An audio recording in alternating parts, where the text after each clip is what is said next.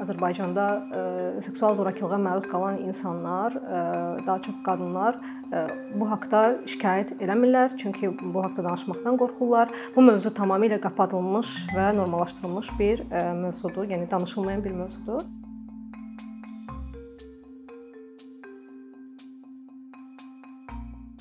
Seksual zorakılıq bir şəxsin başqa bir şəxsi ə, seksual akta ə, məcburi şəkildə və öz gücündən istifadə edərək cəlb eləməsidir. Ə, bura ə, seksual ə, hər hansı bir seksual hərəkət daxildir. Yəni bu cinsi qısnama ola bilər, ə, sözlə ə, olan zorakılıq, cinsi zorakılıq ola bilər, ə, hər hansı bir ə, seksual nəzarət ola bilər. İstənilən formatda və seksual zorakılıq hər yerdə baş verir evdə baş verir, küçədə baş verir, iş yerlərində baş verir. Seksual zorakılığı baxmayaraq ki, seks mövzusu, yəni cinsi əlaqə mövzusu Azərbaycanda kifayət qədər tabu mövzudur, danışılmayan mövzudur, amma nədənsə paradoksal olaraq seksual zorakılıq olduqca yayğındır. Yayğınlığını ölçmək mümkündürmü? Təbii ki, yox. Azərbaycanda seksual zorakılığa məruz qalan insanlar, daha çox qadınlar bu haqqda şikayət eləmirlər, çünki bu haqqda danışmaqdan qorxurlar. Bu mövzu tamamilə qapadılmış və normallaşdırılmış bir mövzudur, yəni danışılmayan bir mövzudur. Ona görə hesabatın aparılması və ümumiyyətlə bilmək ki, nə qədər insan seksual zorakılığa məruz qalır, seksual qısnamaya məruz qalır, bunu ölçmək demək olar ki, bizim kontekstdə mümkünsüzdür. Qlobal olaraq dünyada hər 3 qadından biri zorakılığa məruz qalır və bunu daha çox öz yaxın partnyorları tərəfindən olan olan e, zorakılıq olur. Yəni daha çox yaxın partnyorlarından zorakılığa məruz qalırlar. E, amma e, bu ümumi zorakılıqdır. Yəni bu zorakılığa həm psixoloji, həm fiziki, həm seksual zorakılıq daxildir. Hətta bu statistikanın içərisində belə sırf seksual zorakılığı müəyyənləşdirmək və aydınlaşdırmaq ki, nə qədər insan, nə qədər qadın seksual zorakılığa məruz qalır mümkünsüzdür.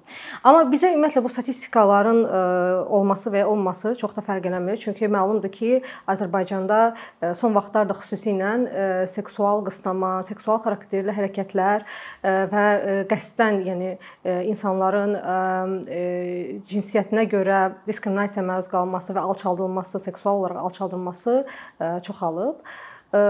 Bunun qarşısını almaq, ümumiyyətlə bu konteksti yaradan nədir? Yəni kontekst hardan başlayır? Zorakılığın səbəbi nədir? Cinsi zorakılığın?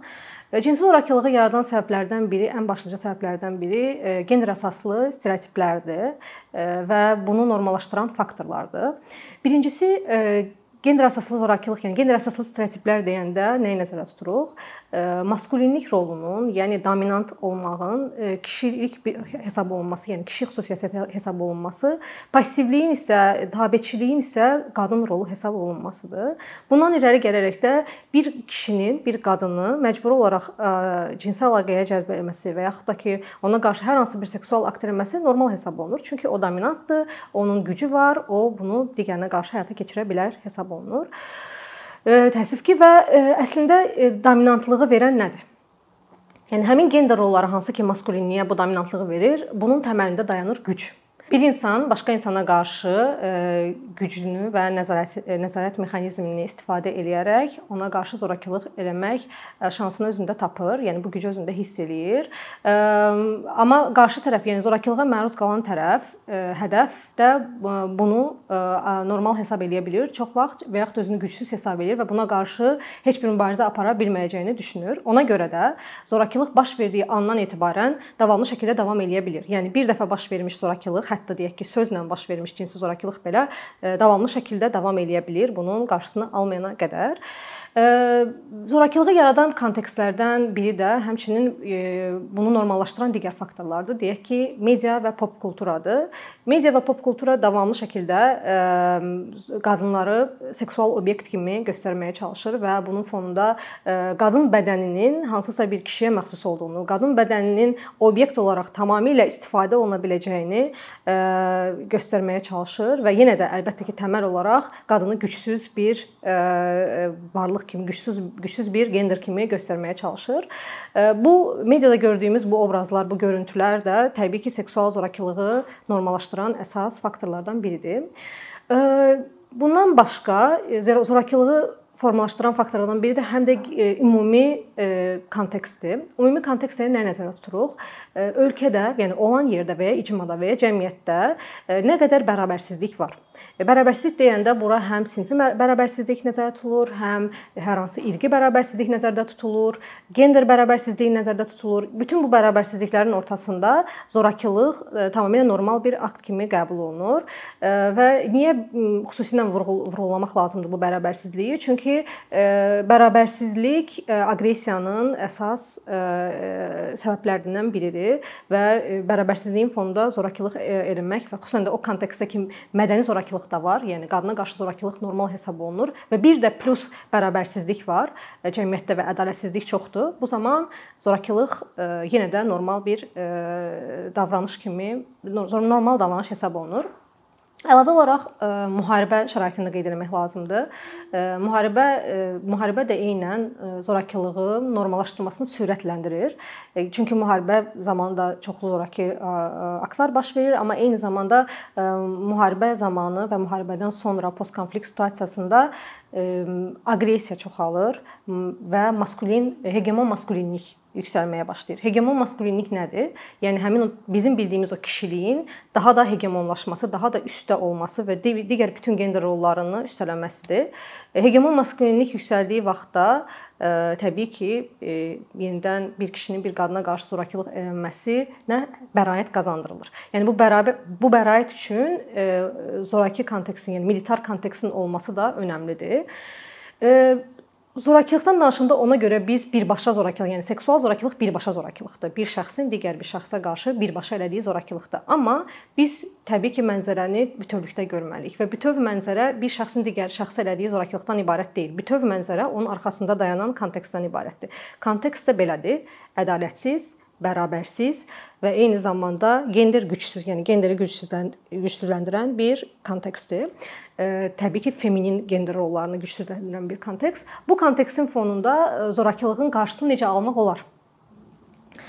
Zorakılığın qarşısını alması üçün birinci variantlardan biri, yəni uzun zamandır danışılan və təklif olunan variantlardan biri o idi ki, cəza mexanizmləri işləməlidir. Yəni zorakılıq edən şəxslər cəzalandırılmalıdır ki, müəyyən mənada onların davranışına təsir eləsin və daha ədalətli bir cəmiyyət qurulsun.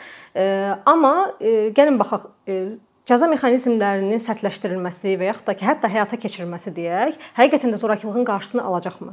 Əgər ki, gender münasibətləri hələ də bu cür davam edəcəksə, əgər ki, hələ də qadın gücsüz, passiv, e, tabeçi göstəriləcək, amma kişi dominant, güclü və e, tabe edən olaraq göstəriləcək. Bu gender rollarının fonunda təbii ki, heç bir cəza mexanizmi zorakılığın qarşısını ala bilməyəcək, e, eyni zamanda bərabərsizliyin qarşısını ala bilməyəcək. Əlavə olaraq cəza mexanizminin özü belə nə qədər reabilitativdir və nə qədər insanların davranışını dəyişməyə kömək eləyir. Bu da çox böyük sualdır.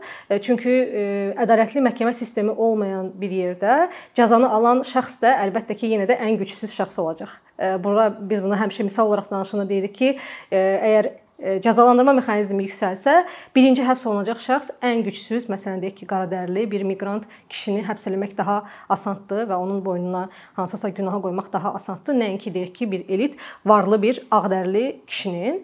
Yəni təməl olaraq gücü gücü göstərən faktorlardan biri təkcə gender deyil, eyni zamanda eyni zamanda irqdir, eyni zamanda maliyyə vəziyyətidir. Bunlar da gücün göstəricilərindən biridir. Və yaxud deyək ki, Azərbaycanda zorakılıq edən, cinsi zorakılıq edən bir şəxsin cəzalandırılması hansı formatda baş verir? Əgər o insan gücsüzdürsə, heç bir gücə malik deyilsə, tamamilə kasıb bir e, e, icmadandırsa, onu çox rahatlıqla e, qəddarcasına cəzalandıra bilərlər. Amma bir insan imtiyazlı icmadandırsa, imtiyazlı qrupdandırsa, onun cəzalandırılması heç baş vermir. Ümumiyyətlə çox yüngül və yaxud da ki, yola verən bir cəza mexanizmi onun üçün işləyir. Yəni cəza mexanizmi ədalətli deyil və təəssüf ki, ədalətsizlik davam etdikcə bu zorakılığın qarşısını almayacaq. Əsas variant nədir? Bəs onda nə etməliyik? Əsas variant birinci növbədə qadınların mübarizəsidir. Yəni qadınların mübarizəsinin birləşməsi və bu haqqda danışmasıdır. Buna misal olaraq biz e, Me Too hərəkatını görə bilərik dünyada. E, Me Too hərəkatı, e, yəni həm də mən də deməkdir. Me Too hərəkatı ilk dəfə idi ki, qlobal səviyyədə seksual zorakılığın bu qədər açıq danışılması ilə nəticələnmişdi. Me Too hərəkatı zamanı ilkin olaraq yenə də hansısa əslində kifayət qədər imtiyazlı bir qrup incəsənət insanları, qadınlar, onlar onlara qarşı olan seksual zorakılığı e, şikayət eləmişlər. Bu haqqda danışmağa başlamışdılar. Amma e, daha sonra bu hərəkət genişləndi və e, hər kəs qoşuldu hərəkata. Çünki demək olar ki, qadınların əksəriyyəti nə vaxtsa cinsi zorakılığa məruz qalıb və bunu işıqlandırmağa başladılar. Bu haqqda danışmağa başladılar. Me Too hərəkatı qlobal hərəkata çevrildi və bəlli ki, bunun nəticəsində artıq seksual zorakılıq normallaşdırılmamağa başlayır. Yəni seksual zorakılıqla mübarizəni birlikdə tələb eləməyə, bu bunun dayandırılmasını birlikdə tələb eləməyə başladıq. Və bu bir feminist mübarizədir. Hansı ki, bu feminist mübarizə interseksional bir feminizmdir. Interseksional feminizm hər mübarizənin hər formatını və hər tərəfli bir həllini tələb eləyir.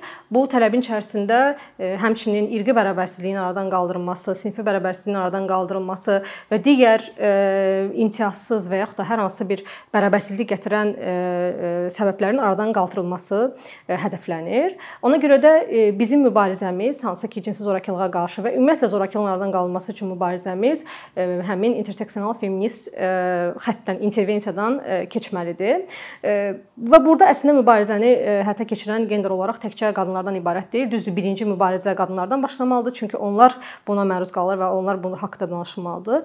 Amma eyni zamanda bu bütün digər genderli insanlardan və ümumiyyətlə genderin tamamilə transformasiya olunmuş, gender rollarının tamamilə aradan qaldırıldığı və bərabər e, bir e, bir şəraitdə mövcud ola bilər. Yəni zorakılığın qaldırılması cinsi zorakılıq halı baş verdiyi zaman individual səviyyədə mübarizə aparmaq mümkündür. Bunun üçün ilk növbədə e, zorakılıq eləyən şəxsə qarşı durmaq lazımdır. Yəni bu ən birinci addımdır. İlk olaraq sənə qarşı zorakılıq elədiyini başa düşürsən və sən buna dözmürsən. Yəni hər hansı bir cinsi zorakılıq halı olanda və ya buna cəhd olanda, cinsi zorakılığa cəhd olanda bu zaman susmamaq lazımdır və dərhal e, həmin şəxsə qarşı və ya şəxslərə qarşı durmaq lazımdır. Bu qarşı bu qarşıdurma üçün əslində güc lazımdır insana. Yəni o özünü güclü hiss etməlidir ki, ona qarşı zorakılıq eləyən şəxsə e, qarşı dursun. E, ona görə biz hər birimiz bu haqqda danışmalıyıq. Yəni bu mövzu daha çox danışılsa, daha çox etiraz olunsa, daha çox ictimailəşsə, o zaman artıq insanlar zorakılığa məruz qalmış insanlar başa düşəcəklər ki, onlar tək deyillər və bu haqqda e, daha çox e, etiraz eləyəcəklər, bu haqqda daha çox danışıb şikayət eləyəcəklər. Bu ilk addımdır. Yəni şikayət eləmək, bu haqqda danışmaq e, ən birinci şərtdir. Biz unutmamalıyıq ki, zorakılığın əsasında dayanan şey gücdür. Yəni bir insan özünü güclü hiss etdiyi zaman başqasına qarşı zorakılıq eləməyə cəhd göstərə bilər və ya zorakılıq eləyə bilər. O gücü ona verən faktorlardan biz əslində danışdıq. Amma bunun daxilində həm də bir insanın deyək ki, kütləvi auditoriyası ola bilər, ona güc verən e, hansısa səslər ola bilər, o hansısa mövzuda kimlərinsə diqqətini cəlb edə bilər. Bundan istifadə edib, yəni bu bir gücdür insanlar onun arxasında var. O bu gücdən istifadə eləyib e, zorakılığa çağırış eləyə bilər və ya zorakılığı təşviq eləyə bilər. Bu zaman e, bunun da, yəni bu da eynən cinsi zorakılığa cəhd hesab olunur. E, hətta kütləvi cəhd hesab olunur və bunun da qarşısını almaq üçün mütləq mübarizə aparmaq lazımdır və məncə e, hal-hazırda e, bu yaxınlarda baş verən hadisələrdə biz gördük ki, bu mübarizə çox əhəmilidir və e, müəyyən səviyyədə var. Onun üçün biz cinsi zorakılığı, cinsi zorakılıq halları gördükdə və ya ona çağırış gördükdə bu haqqda susmamalıyıq, danışmalıyıq və mübarizələrimizi birləşdirməliyik. Əkinçinin yeni videoları haqqında məlumatlı olmaq üçün kanalımıza abunə olmağı və xəbərdarlıq funksiyasını aktivləşdirməyi unutmayın. İmkandan istifadə edərək cari patronlarımıza işlərimizi davam etməyə yardım olduqları üçün dərin təşəkkürümüzü bildiririk. Əkinçinin Patreon icmasının üzvü olaraq siz bizim təşəbbüsə dəstək göstərməklə bərabər hazırladığımız materialları hər kəsdən öncə izləmə imkanı əldə edəcəksiniz.